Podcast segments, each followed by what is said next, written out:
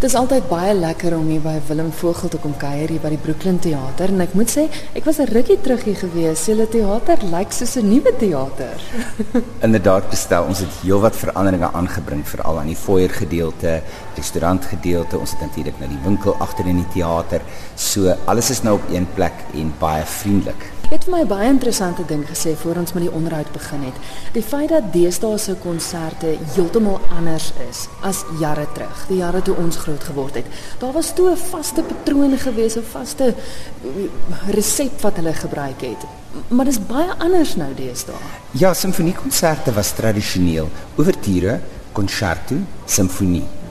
En ek dink mense is baie meer innoverend. Um, ek het definitief daai trend agtergelaat en as artistieke direkteur van die Gauteng Filharmoniese Orkees het ek net besluit kyk dit is nou nonsens. Ons het nodig om kaartjies te verkoop. Ons het nie nodig om ou forme na te volg nie en ons kan ons ons eie ding doen. En as ons dan nou 'n klompie konsertes op een aand moet aanbied, dan doen ons so. Nou dis nou juist waaroor ons gesels. Vertel gou-gou die hele idee en wat gaan gebeur hier by Brooklyn Theater. Ja, dis nou Frans van der Tooi, die Kaapse pianis. Hy's natuurlik werksaam by Aitjies en hy het saam met die Kaapse Simfonieorkes het hy die 5 Beethoven klavierkonserte oor die bestek van twee konserte gespeel. So hy het 3 op die een aand en 2 op die ander aand gespeel. En dit het vir my na so ongelooflike opwindende program geklink omdat ek dink internasionale pianiste soos Barenboim of Beraya of al daai mense het al daai 5 konsertos as opnames mm. opgeneem. Mm. En dit natuurlik dan nou uh, uh, het dit groot byval gevind by mense. Jy weet dat een so pianis al 5 die konsertos vertolk. En uh, ek het vir Frans so gebel en gesê ek het gehoor van van hierdie ding wat jy gedoen het. Kom jy dit by ons doen? En hy was onmiddellik baie baie bly om dit te doen en het ja gesê. Ja.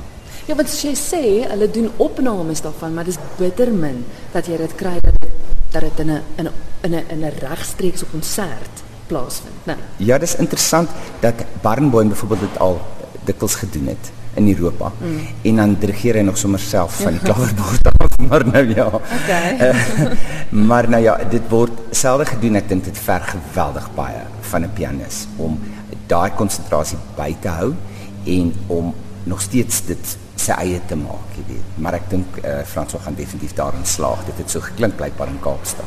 Nou goed, hy kom nou hiernatoe en soos jy noem, hy tree op saam met die Gautengse Filharmoniese Orkees. Hulle het al twee van die konsertos, dink ek is reeds deel van hulle repertoire, maar die aard van die saak moet al vyf nou ingestudeer word, né? Nee. Ja, dit is dit is nogal vir 'n vir 'n jong orkes wat nie elke dag um, oefen nie. Mm. Dit is ons ons kom eenmal 'n maand bymekaar vir ons stel repetisies en dan die konserte uh om so repertorium aan te pak in een week is nog 'n saak, maar soos ek sê gelukkig, soos jy daar gesê het, gelukkig is twee al reeds in die repertorium. Mm -hmm. Net gou weer die orkeslede, is dit mense wat wat wat vryskut basies of het hulle ander beroepe? Wie wie is die orkes? Dit is so gestruktureer dat hulle wel ander beroepe kan hê. So ons repeteer eenmal 'n maand, Dinsdag, Woensdag, Donderdag aand, Vrydag aand hou ons konsert en Sondagmiddag hou ons konsert. So jy kan baie maklike ander beroepe hê, ja. Die dirigent.